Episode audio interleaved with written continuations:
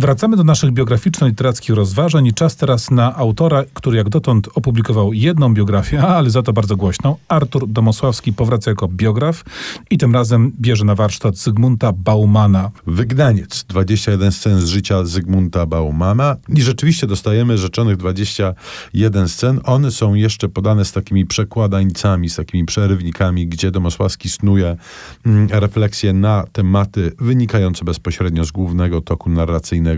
I Domosławskiego w tej książce jest w ogóle bardzo dużo. On o tym już wspomina na samym e, początku, że nie będzie się ukrywał i że będzie się angażował i że będzie się opowiadał po bardzo konkretnej e, stronie. Na takiej I... zasadzie, jak rozumiem, że to jest pewnego rodzaju uczciwość, prawda? Znaczy zawsze ktoś pisze i ktoś opowiada i powinniśmy wiedzieć jako czytelnicy, kto to jest ten ktoś. Tak, e, i rzeczywiście dowiadujemy się o tym, kto to jest ten ktoś i dowiadujemy się, kim był e, Zygmunt Bauman i dlaczego podejmował takie, a nie inne wybory w swoim I życiu. Sporo I tam dlaczego... jest tła, jak rozumiem, historyczno-społecznego. Bardzo dużo jest e, tutaj tła e, społeczno-historycznego. I takim oczywistym wątkiem jest no, kwestia tego, że Zygmunt Bauman był traktowany jako zbrodniarz komunistyczny Obawiam i się, zdrajca. nadal tak przez niektórych wciąż jest traktowany. Mam nadzieję, że to się zmieni po książce Artura Domasławskiego, bo on, no jak pasterz krowie na granicy, tłumaczy, że ludzie, którzy takie tezy głoszą, po prostu się mylą i mają pojęcia o wyobrażeniu polskiej historii, ale mnie na przykład bardzo ujął też fragment, gdzie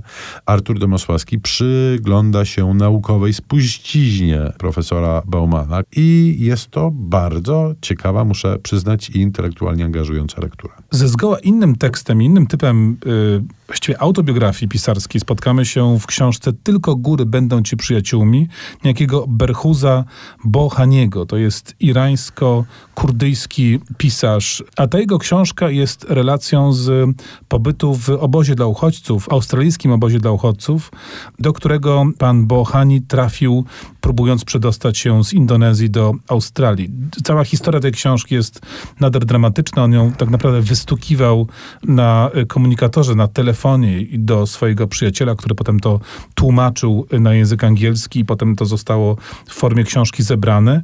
I to jest coś, co łączy reportaż, łączy taką literaturę interwencyjną, no bo to jest jednak rzecz o skandalicznym, dramatycznym traktowaniu y, uchodźców przez y, australijskie y, władze, z jednak także takimi elementami lirycznymi. Tam są fragmenty, które czyta się jak wiersze i właściwie są wierszami, chociaż nie uciekają z tej rzeczywistości. Więc to jest z punktu widzenia tematycznego ogromnie ważna i poruszająca książka, ale także formalnie, jako pewnego rodzaju propozycja pisania o losie człowieka piszącego, to także jest nowość i pewnego rodzaju, myślę, odkrycie. I myślę, że niestety mm, odkryciem e, pewnego rodzaju będzie dla e, Państwa bohater kolejnej biografii, biografii napisanej przez Pawła Chojnackiego, który poświęcił sporo energii i czasu, mm, by przywrócić pamięć o Zygmuncie Nowakowskim. Mm, I chyba najbardziej imponującym owocem e, tychże starań jest książka Remigrejtan Pawła Chojnackiego. Po tytuł brzmi Kiedy Zygmunt Nowakowski wróci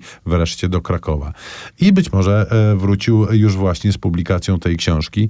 Zygmunt Nowakowski był postacią niezwykle rozpoznawalną w Polsce, bo nie tylko w Krakowie m, przedwojennej. E, on był aktorem, był dyrektorem Teatru Słowackiego w Krakowie, ale też niezwykle poczytnym felietonistą i powieściopisarzem, w tym m, autorem e, bardzo popularnego i wydawanego w Polsce mimo że był on pisarzem emigracyjnym Przylądka Dobrej Nadziei, e, książki e, uznawanej za najlepszą książkę kiedykolwiek popełnioną o dzieciństwie w Krakowie, więc dla wszystkich e, krakowianistów to jest lektura konieczna. Chojnacki próbuje stylistycznie nawiązać do swojego bohatera, który pisał barwnie, niezwykle zabawnie i puszczał wielokrotnie oko do czytelnika. Ja muszę przyznać, że bawiłem się setnie.